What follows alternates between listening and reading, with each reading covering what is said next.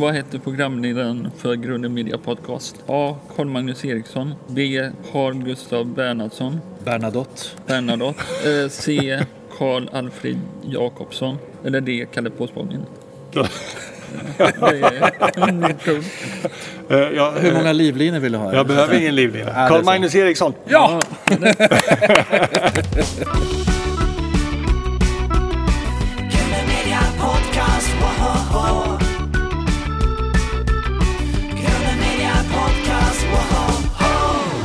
välkommen eh, Rickard Sjöberg till Grunden Media Podcast med mig Carl Magnus Eriksson och eh, Och med mig, Erik Jensen. ja. Ja. Tack så mycket. Ja. Härligt att, att se er. Ja, Och få vara med. att se dig. Ja. Äntligen får jag säga. Ja. Ja, vi har dribblat lite fram och tillbaka här några gånger. Så var det lite pandemistrul och... Ja, Ja, vi var väldigt nära kan jag säga innan jul här. Ja. Men då var det, Berätta du. ja, eh, någon i sällskapet hade en krånglande röst. Så det upptäckte vi så här ganska sent inpå. Carl Magnus. Carl Magnus. Det hade blivit en väldigt fin, eh, unik podd men Ja, spännande. men det var inte covid, utan du, du var krasslig bara. Liksom. Ja. ja.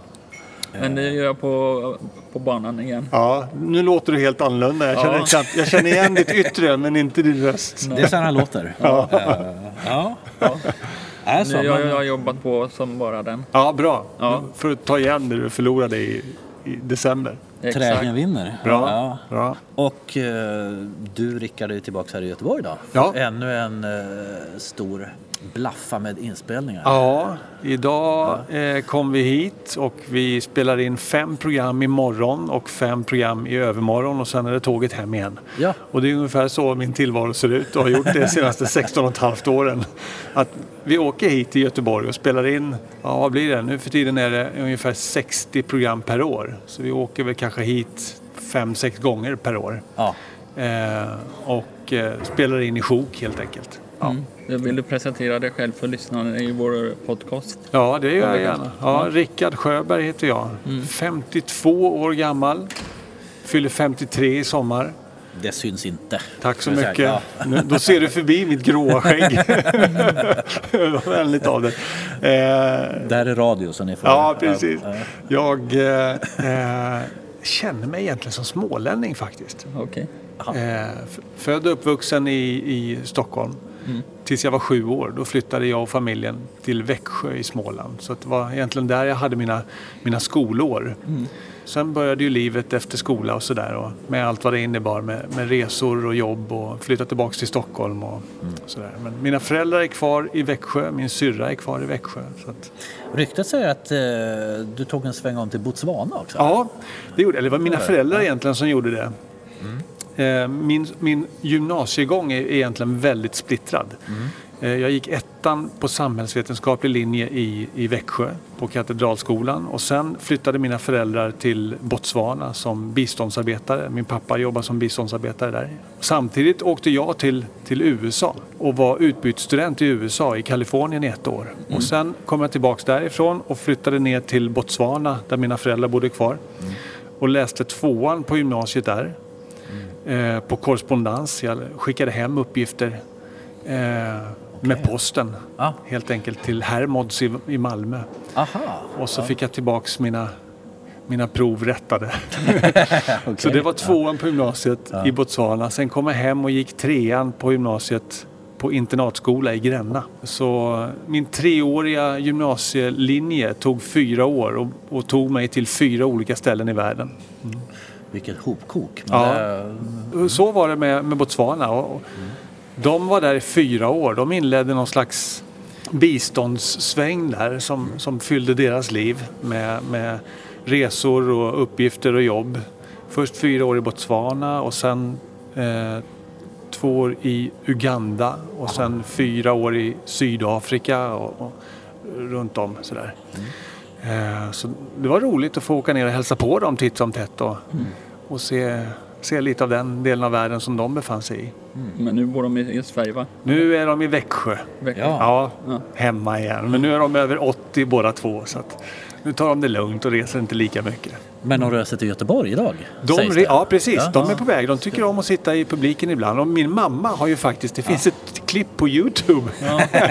Hon, hon, var, hon och pappa var med eh, på ett program och Jag kommenterade en eh, fråga i programmet som jag ställde och sa och, och jag hävdade att en mandolin är ett köksredskap. Man snurrar på en slags skruv så här och så kommer det ut eh, morötter eller äpplen eller vad det nu är på andra sidan. Ja. Och det visade sig att det började grymtas lite i publiken när jag sa det där. Inte minst min mamma. Ja. För hon sa att det är ingen mandolin du Nej. pratar om Rickard. Ja. Det, du, det, det är en sån fruktskruv vi pratar om. En mandolin är en sån man drar. Du måste kunna erkänna att du har, kunna erkänna att du har fel ibland Rickard. Sa hon. Och publiken skrattade.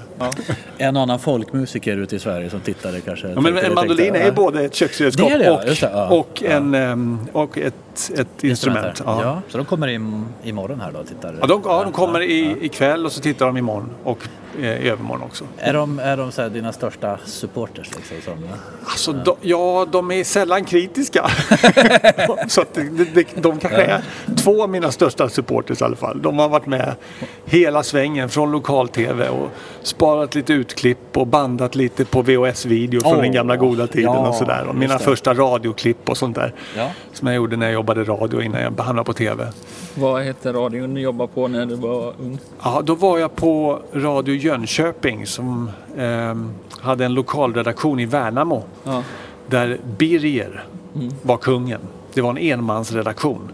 Och jag fick praktisera där och göra mina två första radioinslag som student egentligen på Södra Vätterbyggens folkhögskolas journalistlinje. Ja, Eh, Men det var Birger och jag som häckade ihop tillsammans den veckan och jag lärde mig otroligt mycket och, och gillade det verkligen. Så att sen när det var dags för mig att efter ettan på den här folkhögskolekursen, journalistlinjen, då man läste både tidning, radio och tv, så skulle jag välja vilket jag ville syssla med mest i, i, i andra årskursen. Och då sa jag att jag vill göra radio.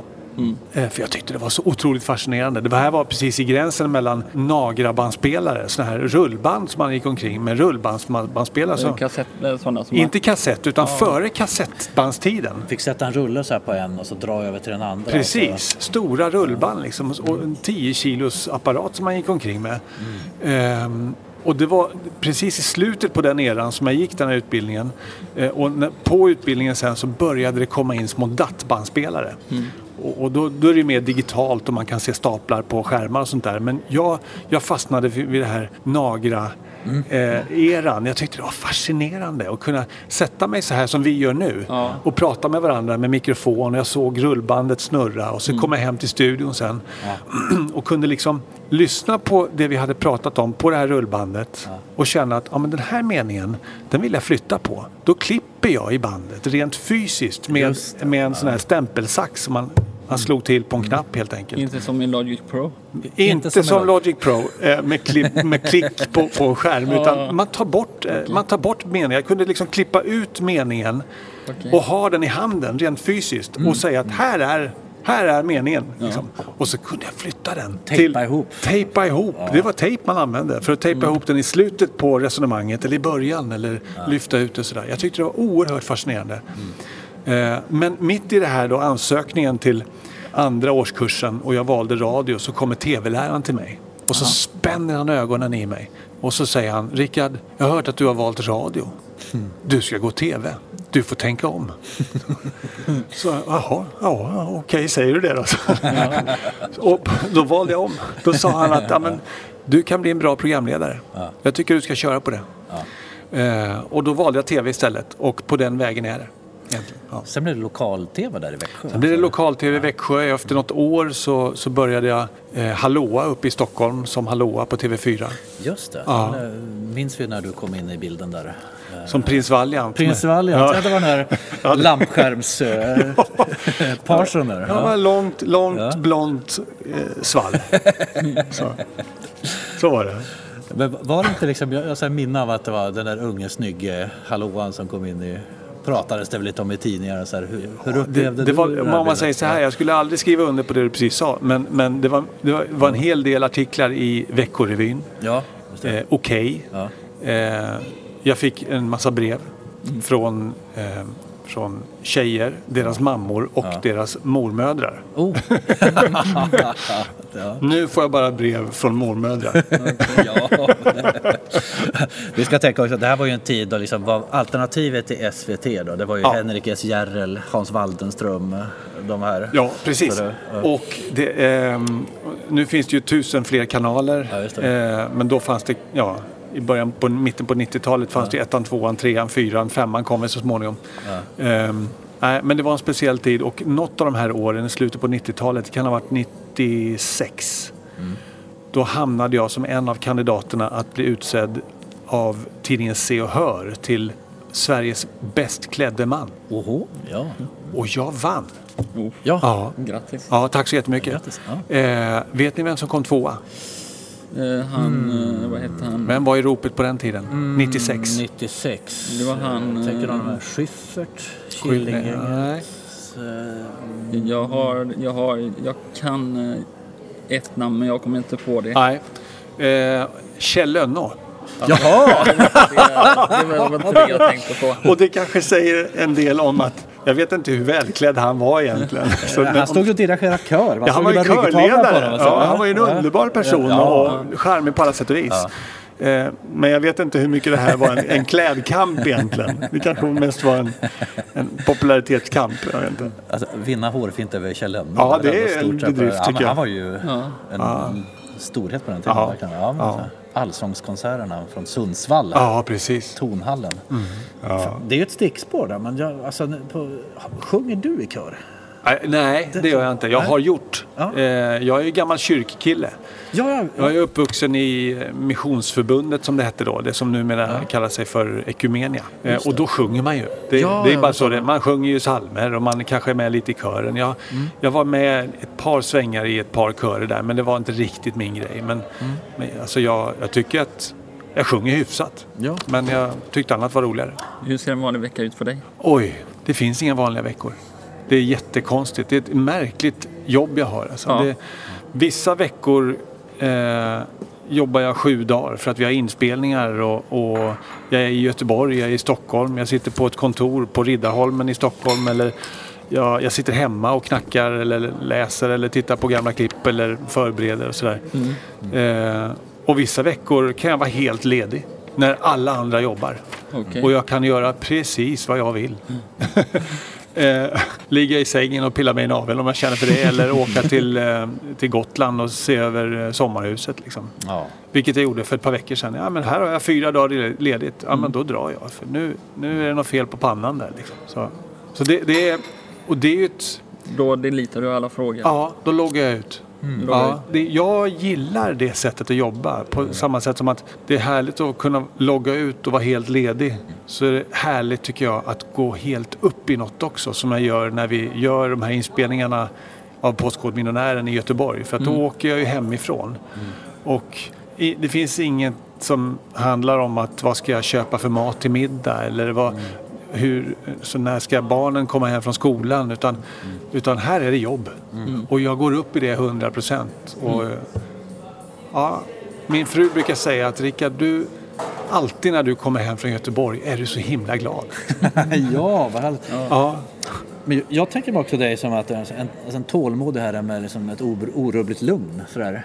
Eh, är det att du hämtar då kraft under de här lediga stunderna eller har du liksom ett grundläge som... Ja, Men jag tror jag har ett att du- ganska lugnt grundläge och jag, jag kan bli jätteupprörd och arg också. Jag har briserat, eh, absolut, som de flesta andra. Ja. Eh, men eh, jag, förs- alltså jag, jag försöker vara det som man när man slänger sig med fina ord brukar kalla för pragmatisk. Att jag, ja, men jag, är, jag försöker vara lösningsorienterad. Okej, nu brinner det här. Vad gör jag då? Vad är bäst? Vad tjänar jag mest på? Vilka alternativ har jag på bordet framför mig? Det spelar ingen roll om det handlar om en riktig brand eller om det är en konflikt med ett av barnen eller en, en jobbrelation eller vad som helst. Liksom. Det, nu, nu sätter vi oss ner och så försöker vi liksom lista våra alternativ. Och, Ta en kopp kaffe. ja. Och så var det, jag gjorde ju ett program som heter När och fjärran på 90-talet, ett Ja, reseprogram. Magneta Sjödin eller? Agneta var nog med ett par svängar men det var Eller mest... var det hon som var Hans programledare? Nej, hon, det var mest jag, eh, Hasse Fahlén, Linda Isaksson som hon hette på den tiden. Eh, och några till som var programledare. Men då var det på en av de här resorna som jag var på, jag kommer inte ihåg vilken. Jag var, gjorde typ 100 reportage i 30 olika länder. Men det var en gammal gubbe någonstans i världen som sa till mig Fatta aldrig några viktiga beslut stående. Sätt dig ner. Liksom. Och svara aldrig på några viktiga frågor på första samtalet. Utan eh, tacka för erbjudandet och säg att du ska fundera och att du ringer upp. Eh, Eftertänksamhetens Precis. eh, princip där. Låt Ja. det liksom andas några gånger och låt det sjunka in och, så, och, och då, då, har du, då ökar du dina chanser att fatta ett, ett mer långsiktigt och klokt beslut egentligen istället för att vara ja, Impulsivitet kan ju vara fantastiskt bra ibland också men det kan, det kan lura en också.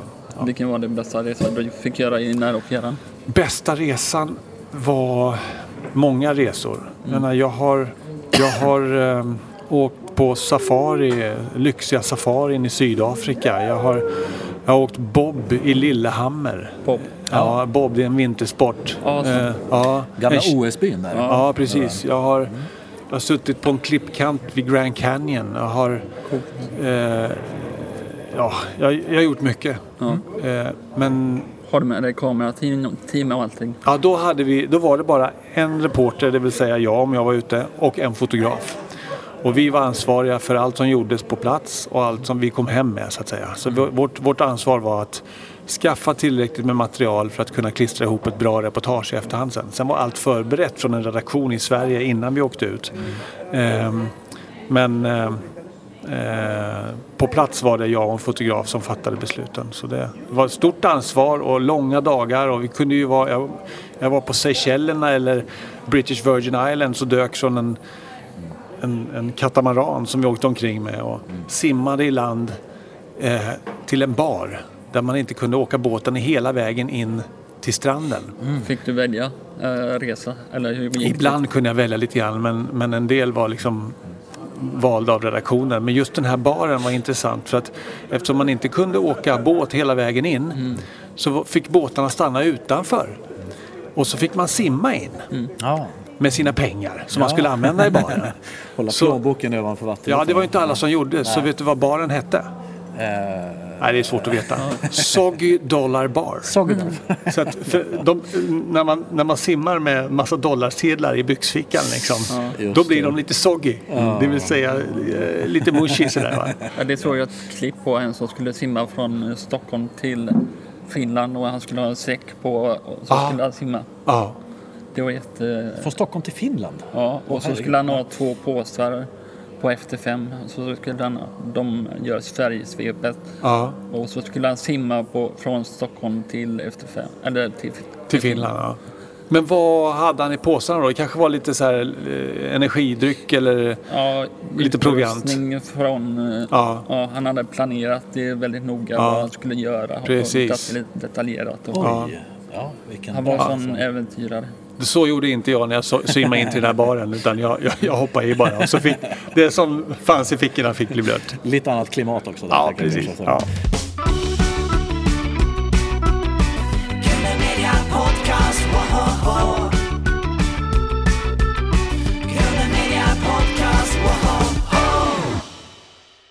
Det var ju 90-talet där då. då Ja, du det var gjorde det. detta. Och 2005, Mm, vad, då, vad hände då? Då får du fyra alternativ av mig. Ja.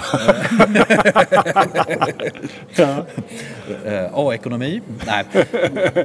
Men den här långköraren då som... Då började Postkodmiljonären. Ja, precis.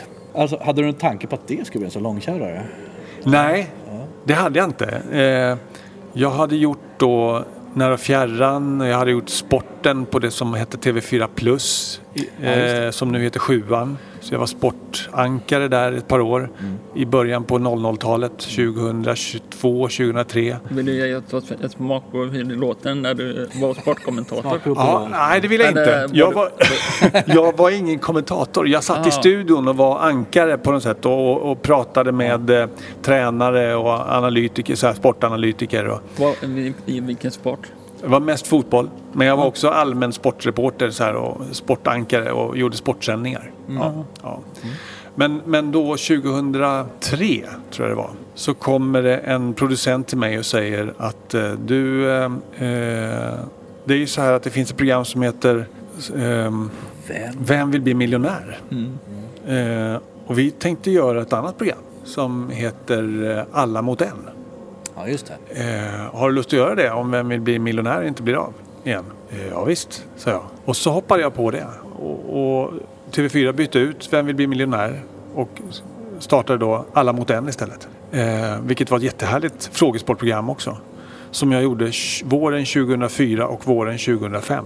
Och när jag var i full gång med det så kom det en annan producent och sa du om inte Alla mot en fortsätter har du lust att göra Postkodmiljonären? Ja. Eh, nu är ju jag under kontrakt sa jag. men, eh, men vi får ju se vad som händer. Det kan absolut vara ett alternativ. Så det var inte så att Vem vill bli miljonär liksom stöptes som... Det finns ju en gemensam tråd där liksom. Ja, ja. Eh, Det- Vignettmusik och allting. Ja, ja, ja. Så, att, eh, Precis. så det, det var inte så att det gled över i Postkodmiljonären Nej, det var en liten där. buffert Ja. emellan där på ett par år. Men, men eh, själva frågesporten som jag bedriver i Postkodmiljonären.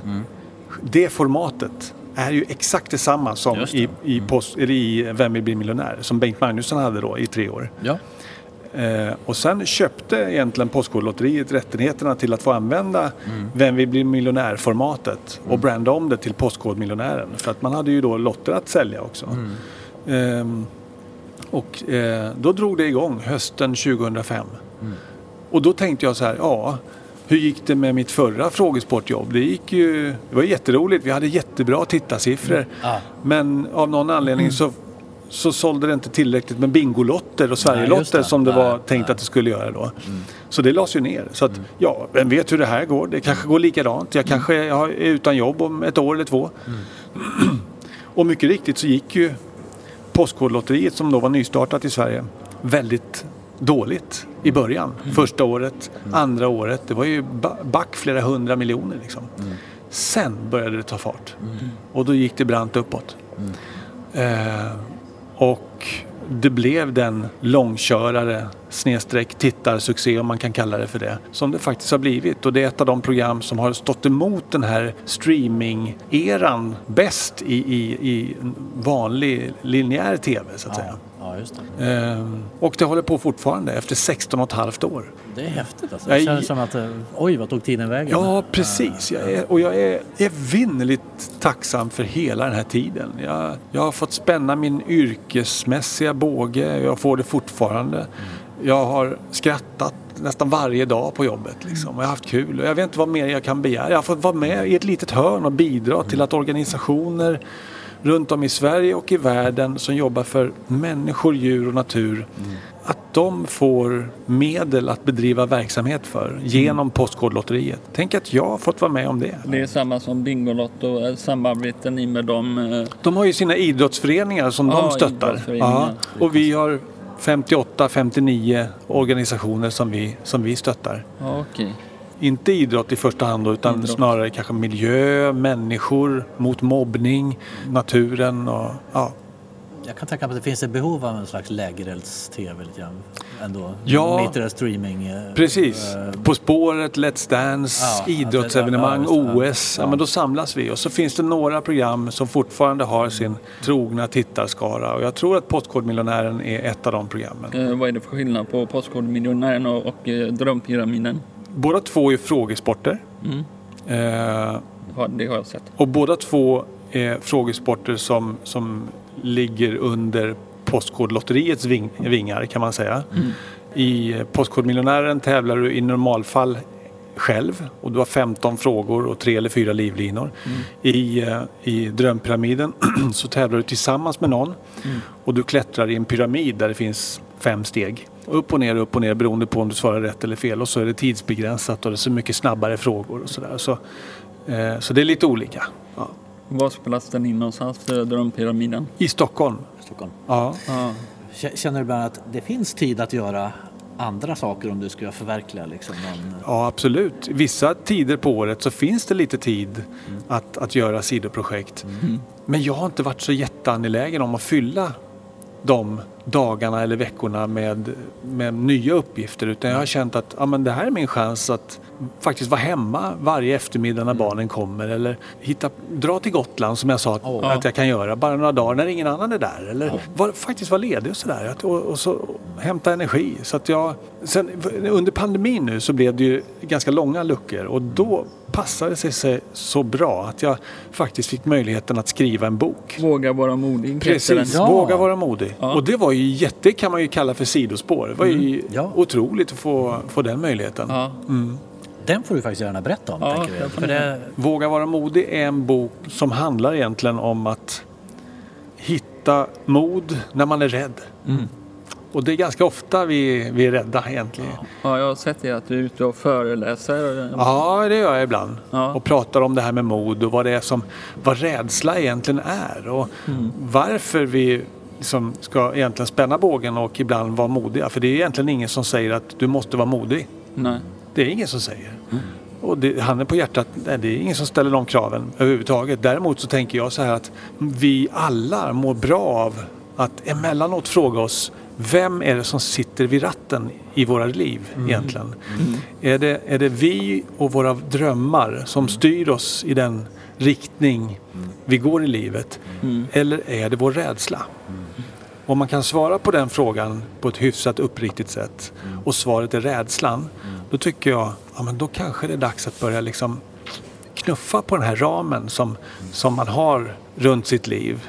Där, där gränsen som, som är skillnad mellan att må bra och vara rädd. Utmana sig lite grann. doppa tån i vattnet lite mer. Ja, precis. och- Och då, då bygger boken på tio olika situationer i livet egentligen. Där vi är benägna att känna rädsla och där det krävs mod. Det kan handla om att våga möta främlingar. Att, att våga leva sitt eget liv och inte styras av andra. Att Att våga göra Youtube och podcast. våga göra Youtube och podcast. Jättebra. Att våga, våga förbereda sig för stora uppgifter. För det kan vara en skräck bara i det. Liksom. Och Att våga tala. Ja. Våga misslyckas, tänker Ja. jag. Våga utsätta sig liksom. Och det är ju egentligen det som är den gemensamma nämnaren för, för alla de här områdena. Att när vi utmanar vår rädsla då kommer den där frågan. Men vad händer om? Vad händer om jag misslyckas?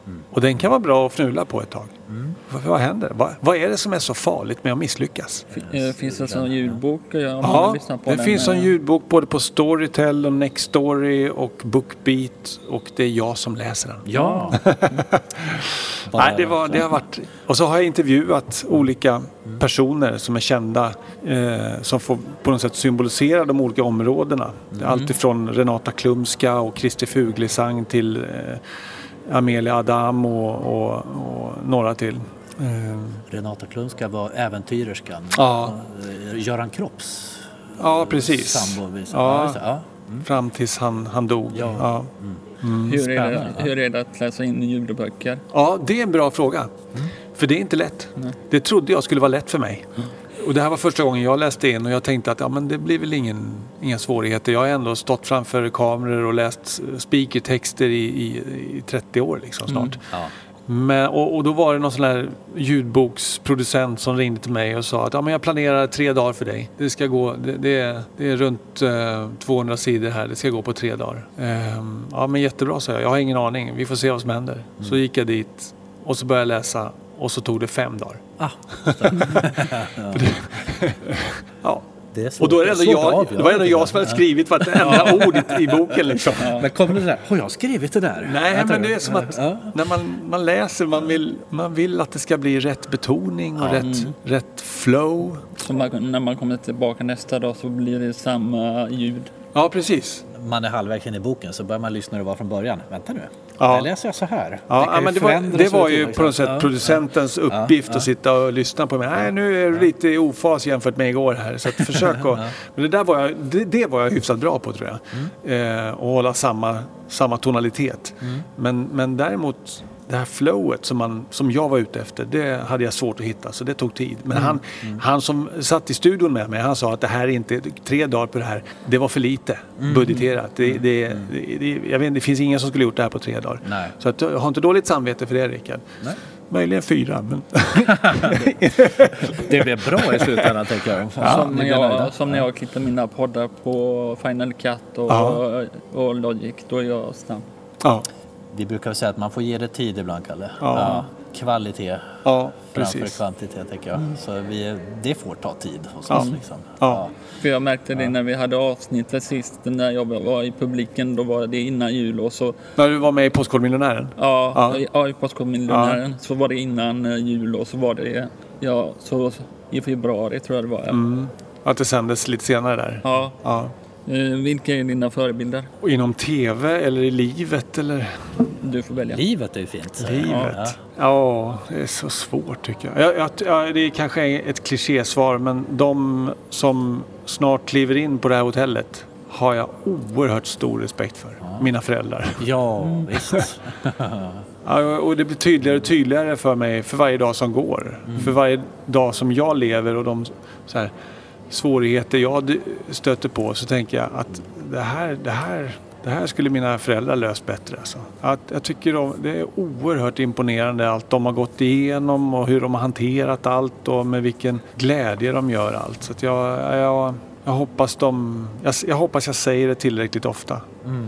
Mm, det är något vackert med, med ett, ett genuint gott sinne och en, en grundglädje. Ja, Eh, det tar en långt i livet alltså. Och en prestigelöshet. Inte vara så skitnödig liksom och tro att man är så mycket. Eh, så vill jag vara och jag lyckas inte alltid.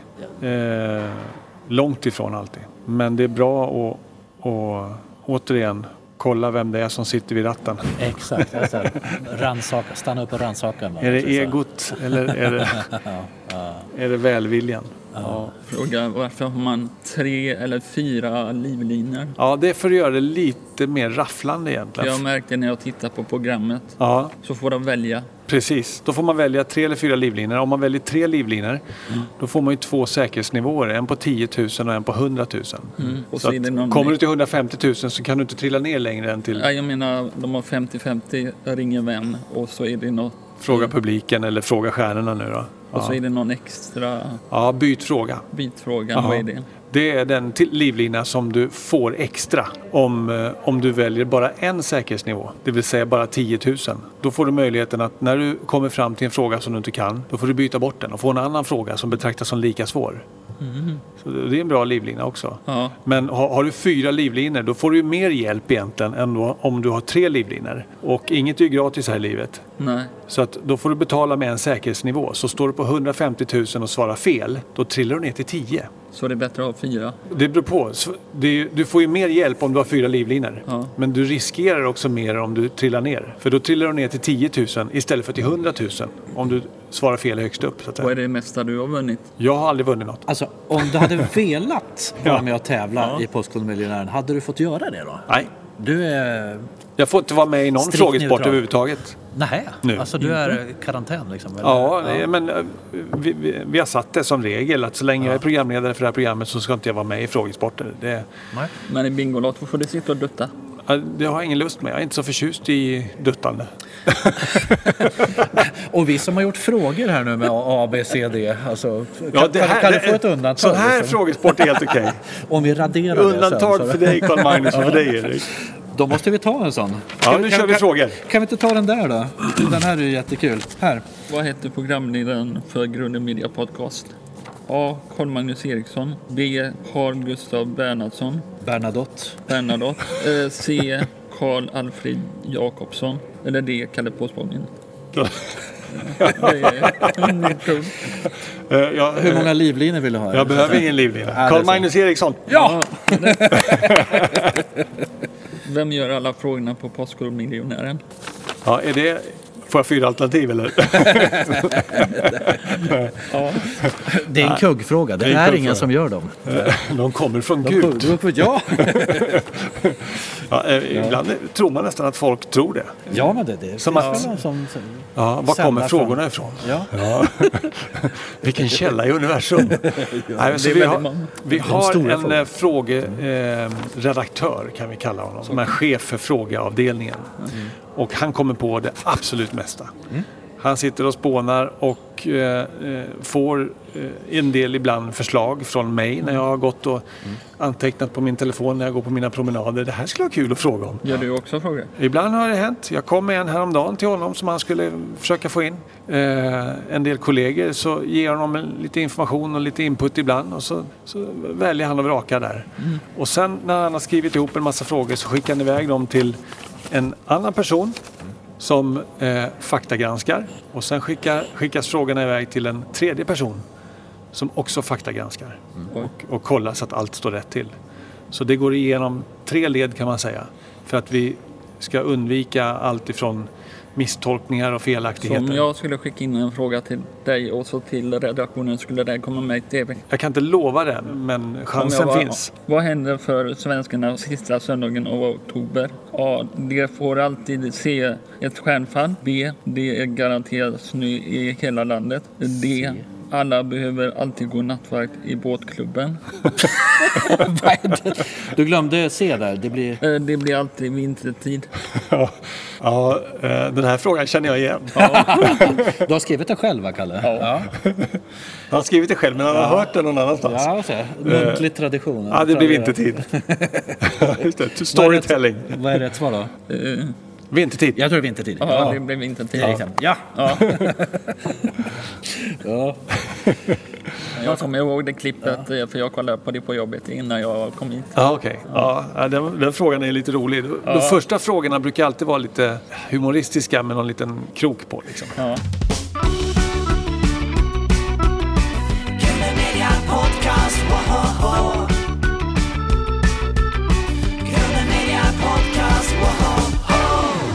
Apropå det humoristiska. Jag Ja. tänker, vi har, vi har ju sett, det finns ju en uppsjö klipp där ute. Ja. Eh, där, det, där man brister. Ja. Eh, Ja, för det är var just, underbart eh, att titta på. För det var just den när du hade svårt för att hålla det först skratt. Det här klippet med, det här klippet med Dr Dre, Dr Snuggles, eh, vad var det mer? Dr... Mabuse. Dr Mabuse. Eller som han östgöten sa, Dr. Mabuse. Mabuse, ja. Det, det, det är någonting som klipptes bort, antar jag? Eller har det förekommit? Nej, jag, jag tror att det sändes. Ja. Det sändes? Ja. Ja. Ja. Ja. det är underbart. Eh, Och vi, eh, ja, men vi har tillåtit oss att ta ut svängarna ja. lite mer. Och Ja. Händer en sån här grej, ja men då kan, man inte ta, då kan man inte låta en liknande grej hända i samma program kanske, för det tar för mycket tid. Men i det här fallet så var det, det var väldigt roligt och han var väldigt härlig och, och ja, jag garvade. Och, Ja. Ja, det sa producenten. Man fick vänta lite, ja. Lisa Idring som är producent för programmet, ja. hon och jag har jobbat ihop nu i typ tio år med det här. Eh, och vi har en jätteskön överenskommelse hon och jag, känner jag. Nämligen den att jag har svårt att så här, vara ett filter åt mig själv och granska mig själv mitt i ett samtal med någon och känna så här att ja, det här är bra, det här är dåligt, det här, så här får man inte säga eller så här får man säga. Så att jag, vi, har, vi har den överenskommelsen att jag kör på. Ja. Jag, jag, jag dr- drar ur alla korkar och så gasar jag bara. Och eh, jag kör tills skiten rasar. Apropå ratten här. Apropå ratten. Ja, Ja, ja, och skulle hon känna att nej men nu är du för långt ut och cyklar Rickard, då bryter hon. Skulle du vilja göra Postkodmiljonären som direktsändning eller är det för- förinspelat bara? Det är alltid förinspelat men det skulle vara jättekul att göra en en och en halv timmes lång Postkodmiljonären istället för en halvtimme. Ja. För då skulle mycket av det här skitsnacket emellan frågorna komma med. Och det är ganska roligt och Ja, skönt det är ibland. levande liksom. Det är, eller vad tyckte du Carl-Magnus? Ja, jag tycker också det. ja. Vad är det roligaste som har hänt då? Liksom under sån här, eh, så här favoritminnet? Ja, men det är, det är ju några av de här klippen. Liksom, när, med, Det får gärna vara pinsamt också. Ja. Människor som har lyckats förstås och som har briljerat. Det är en av dem som jag tycker är absolut mest imponerande. Det kanske är för att jag, är lite, har bott i USA och imponer, alltså, intresserad av USA som land. Eh, men vi hade en kille som fick frågan eh, hur många av USAs delstater eh, innehåller fyra bokstäver? Och då har du till exempel Iowa, inte Idaho för det är fem, Utah och så, ja. Och han började ju fiska efter delstater precis som jag nu. Ja. Och så fastnade han och satt i tystnad där och sa att till slut Nej, jag får räkna upp dem. Och så började han att räkna upp dem. Från Maine högst upp eh, eh, i öst. Ja. Och så ner till Florida. Och så ett sjok till. Norr till söder, norr till söder, norr till söder. Han räknade upp alla 50 delstater. Och svarade till slut rätt. Det Det- behövdes eh, Ja, det var imponerande. detaljgranskas. Ja. ja vad underbart. Och han fick med alla 50 liksom. Ja. Eh, det är imponerande. Folk som är duktiga förstås. Men och, också när man ballar ur. Som han doktor östgöten som inte visste vem doktor Dre var. Doktor Dre. Eh, och vi skrattade. Eller, eller när jag ringer till en livlina, eh, en tjej som sitter i Heta stolen och ringer till sin mormor. Eh, och mormor svarar och säger att eh, Jaha, är det dags? Ja, ja eh, vänta lite, jag måste hämta Stig. Stig! och så, så hör man hur han ropar i bakgrunden. Ja! så, Direkt in i folkhemmet. Ja, liksom. precis. Ja, ja, hämta Stig, säger jag. Så. Ja, skynda dig, vi har bara 30 minuter på oss. 30 sekunder! 30 sekunder! Åh, alldeles- Så det, det är ju roligt när det ballar ur. Ja. Jag vet inte vad du känner när, när du gör sådana här poddar, men, men jag tycker att Jo. man alltså, i, i rygg, ryggraden är ofta rädd för det okända. Det vill säga, jag vill att det ska gå precis som jag har planerat. Det vill säga, du har ett papper framför dig med alla frågor. Och du vet att om jag ställer varje fråga på det här pappret, då kommer det gå bra. Då blir det bra. Men vad händer om jag går utanför? Om Ja, jag någonting kan, händer? Jag, jag, jag, jag kan göra det. Det, Det är jättebra. Ja. Och jag tror så här att de riktiga guldkornen, de finns inte i pappret. Ja. Utan de finns gömda när det skiter sig. Ja. Eh, kolla på de klipp som finns ute på Postkodmiljonären på mig på nätet. Ja. Nio av tio är när saker och ting har gått så som vi inte planerade att det skulle gå. Och, det, och det, att våga på något sätt löpa den linan ut när man känner att nu blev det obehagligt. Men vi kör på ändå. Ja, Då, det är där man öppnar dörren När man till... inte behöver ha manus utan Ja. man kan utan till i huvudet och Ja, eller när man, när man känner att nu finns det de som tycker att det här är pinsamt. Ja. Men nej, jag avstår från den känslan. Jag, jag tar förlusten och skrattar åt det istället och så går vi vidare. Och helt plötsligt så tror jag de som tittar känner så här att himla vad bra han tog det där. Det där var ju jättepinsamt egentligen. Men helt plötsligt så blev Rickard en mycket bättre programledare. Tack vare att han gjorde fel. Det där, det där lev, levande liksom. Ja, det är, skiten i hörnen är viktig. Det, är, det är mänskligt och det är tyvärr så det som du sa Erik, att, att tyvärr så, så jagar vi efter det perfekta på tok för mycket. Eh, Hur går det till bakom kulisserna i Postkodmiljön? här? Hur går det till? Ja, vi har ju tävlande som sitter och väntar på att få komma upp. Ja. Vi har ett fikabord, vi har sminklås. Så de får lite färg på näsan och, och förbereds lite grann. De, inför programmet så har vi en liten genomgång Ja. Där vi eh, en sista gång förklarar reglerna så att det är glasklart för dem. De får lämna sina papper på vilka fem ring en vän-livlinor som de vill ha på sin lista ja, så de får välja det innan eller efter? innan. Innan. Och då ringer vi upp dem precis innan eh, den här personen ska tävla. Och så säger vi att nu kan det bli aktuellt att Karl Magnus eh, hamnar i knipa snart för han ska sitta i Heta stolen och vi, eh, ringer vi så ringer vi inom två timmar eller vad det nu kan vara. Eh, och, så då vet vi om, om de är med. Ja, för jag tänkte på, det går väldigt snabbt när du sitter i, Ja. i stolen. Och det går snabbt att de svarar. ringa, så ringer du på duken och så, Ja. ja, och så ringer du upp jättefort. Så att det, det är en kille som sitter beredd uppe i, i vårt kontrollrum och ringer när, när den som sitter i stolen vill använda den livlinan. Har det gått fel någon gång när du har ringt? Ja, det har gått fel. Vi har ringt fel nummer någon gång. Eh, och, i, den som svarade hade inte en aning om vad jag pratade om. Varför ringer Rickard Sjöberg till mig? Five seconds of fame. Ja, jag. precis. eh, vi har haft ett telefonsamtal till en person som stod i en tunnelbana i Paris. Nej. Åh, okej. Och samtalet bröts. Eh, vilket gjorde att eh, det var den som tävlade som fick lida den förlusten helt enkelt. För det låg ju inte på vårt bord. Det var ju, Nej. Eh, så det, det, det blev inget av det. Eh, sen hade vi en intressant incident här. Det var en väldigt kunnig och välutbildad tjej som satt i Heta stolen. Hon var en ung läkare tror jag. Eh, som hamnade i problem på en fråga. Och hon sa att jag vill ringa min man. Och vi, hon ringde mannen och hon läste upp frågan och två av alternativen bara. För hon var säker på att det inte var två två av alternativen som var rätt svar. Och han var ganska tyst i luren. Sen frågade han, kan du säga alternativen igen? Och då läste hon dem lite snabbare. Ja. Så här. Och läs frågan igen. Ja, så läste hon frågan lite snabbare. Man hörde hur hon eldade upp sig liksom. Ja. Det är fem sekunder kvar. Och sen när det var två sekunder svar. Svara då! Skrek hon till honom. Svara!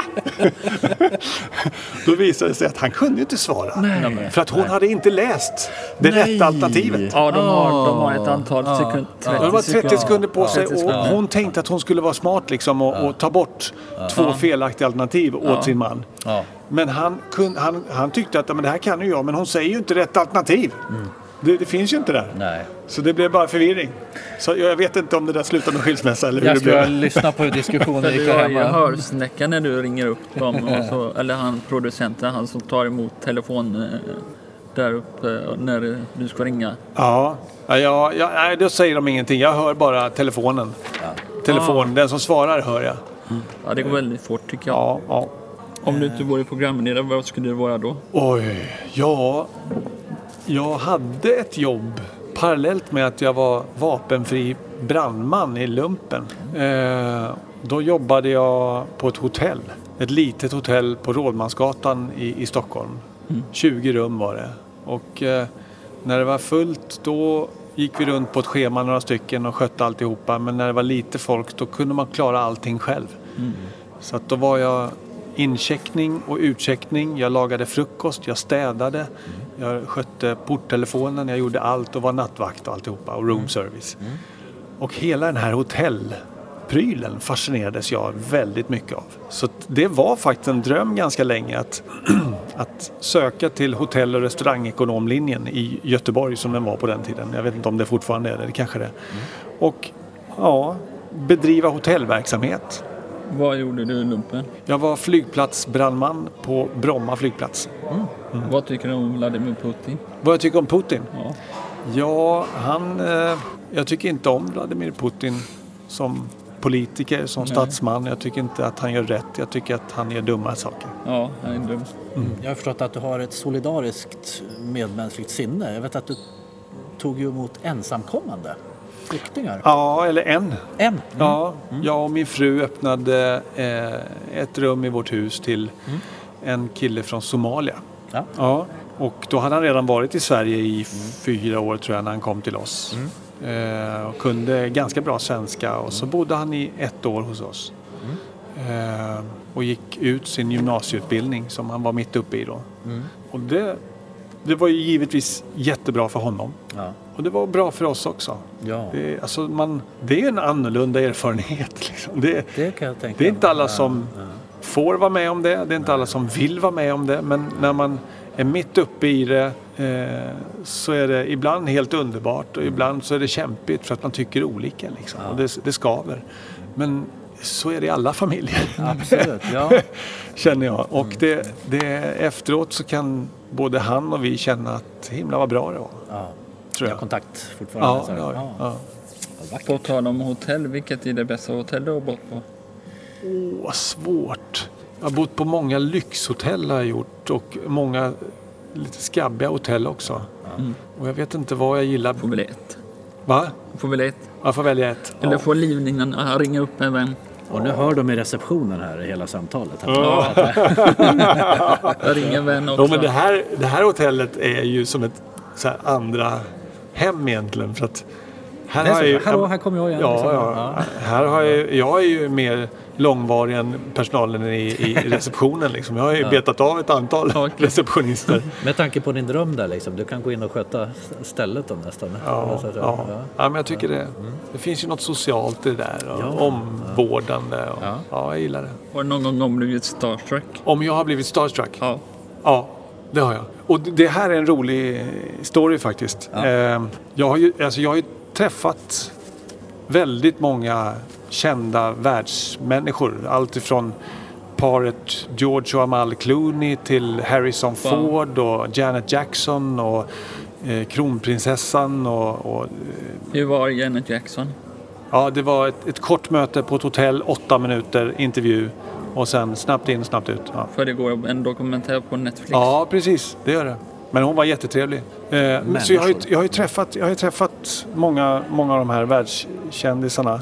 Eh, men sällan har jag blivit starstruck på det sättet som man menar när man är starstruck. Förutom vid ett tillfälle. Eh, och det var när jag och min fru eh, åkte upp till Åre för att åka skidor. Och vi hamnar på ett hotell och vi håller på att checka in och jag ser i ögonvrån att där står Olof Mellberg och Marcus Albeck. Ah, Två fotbollshjältar ja. från, ja, ja, Lagerbäcks tid. ja precis, 00-talet va. Ja. Och jag kände bara att Olof Mellberg, vilken härförare. Vilken, vilken, eh, det här skägget och vilken pondus han hade på planet och där kampen han utstrålade och spelsinnet. Och, ja, han var, jag är en gammal fotbollskille så jag gillar Olof Mellberg. Jag var mittback precis som han var. Liksom. Så jag sa till min fru så här, du eh, vänd inte om nu men där står Olof Mellberg. Vem? sa hon. så intresserad var hon. Ja, så checkade vi in och eh, eh, och så hamnar vi på middag på kvällen sen och då sitter de vid ett annat bord och sen hamnar de vid stora eh, öppna spisen där på det här hotellet. Och jag säger till Annika, alltså jag, jag måste gå fram och prata. Jag måste gå fram och säga något. Så jag gick fram och så bara sa, gav jag honom någon komplimang. Och, eh, jag, eh, eh, min fru berättar efteråt att Rickard, vad häftigt, jag har aldrig sett dig starstruck. Vet du, du stod och trampade så, och vaggade fram och tillbaka när du pratade med honom. Och vet du vad det roliga var? Han gjorde likadant.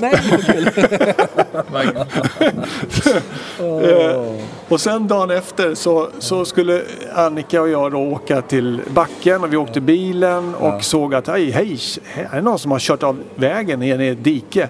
Han behöver nog hjälp att komma loss. Så vi stannar bilen och börjar snacka med killen då. Och börjar putta och dra. Och sen, ja. och sen eh, så tar det fem minuter, vi får inte loss bilen. Så kommer en bil och stannar bakom eh, våra bilar sådär. Eh, Och då kliver Olof Mellberg ut. och Marcus Albeck. Och säger Tjena Rickard, behöver ni hjälp? ja, vi behöver hjälp här. Och den här killen stod ju som ett fån, han med bilen som hade kört fast. Vad är det som händer? Först Rickard, sen Olof, sen Marcus. ja, ja, det var roligt. Ja, ja. vad ljuvligt. Vi skulle kunna sitta hela dagen. Ja, det skulle du vi. märker, Det är trevligt att prata med er killar. Ja, Rickard, detsamma. Det var jättefint. Men. Eh, Men allting har ett Slut. slut och eh, Postkodmiljonären har en början. Ja, och imorgon precis. spelar ni in fem avsnitt. Fem program på en dag. Vi börjar tidigt, slutar sent och så eh, går vi hem och sover på hotellet och så kör vi eh, ett varv till dagen efter sen. Ja. När ska du spela in Drömpyramiden? Om några veckor. Om några veckor. Ja. I, ja, vad blir det? I april tror jag. Hur fort går hissen? Jättelångsamt. På tok för långsamt. Och vi åker två gånger. Två gånger? Ja, för att vi ska få alla kameravinklar. Och eh, första säsongerna gjorde vi, åkte vi tre gånger. Nu har de rationaliserat bort en gång där. Ja, okej. Men den här himla hissen svär vi, svär vi åt. Ska ni ha publik i Drömpyramiden? Vet inte. Vi hade inte det förra säsongen. Eh, och vi klarar oss ganska bra ändå. Men eh, det troliga är att vi kommer vilja ha lite publik. Var någonstans, i vilken studio i Stockholm? Eh, eh, Subtopia heter den. Ligger i Alby. Okej. Mm. Kommer du googla på det på jobbet. Ja. Kommer knacka på där också, tänker Mm. jag, för att vara publik när du kommer förbi Stockholm. Vi, vi har en liten avdelning som heter Fem snabba också. Ja, Eh, Där man får svara Dr Dre eller Dr Snuggles. okej. Vem snabba till? Rickard Sjöberg. Ja.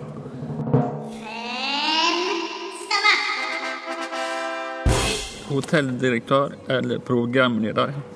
ja, jag vill verkligen vara programledare nu. För jag njuter fortfarande av det. Även efter snart 30 år.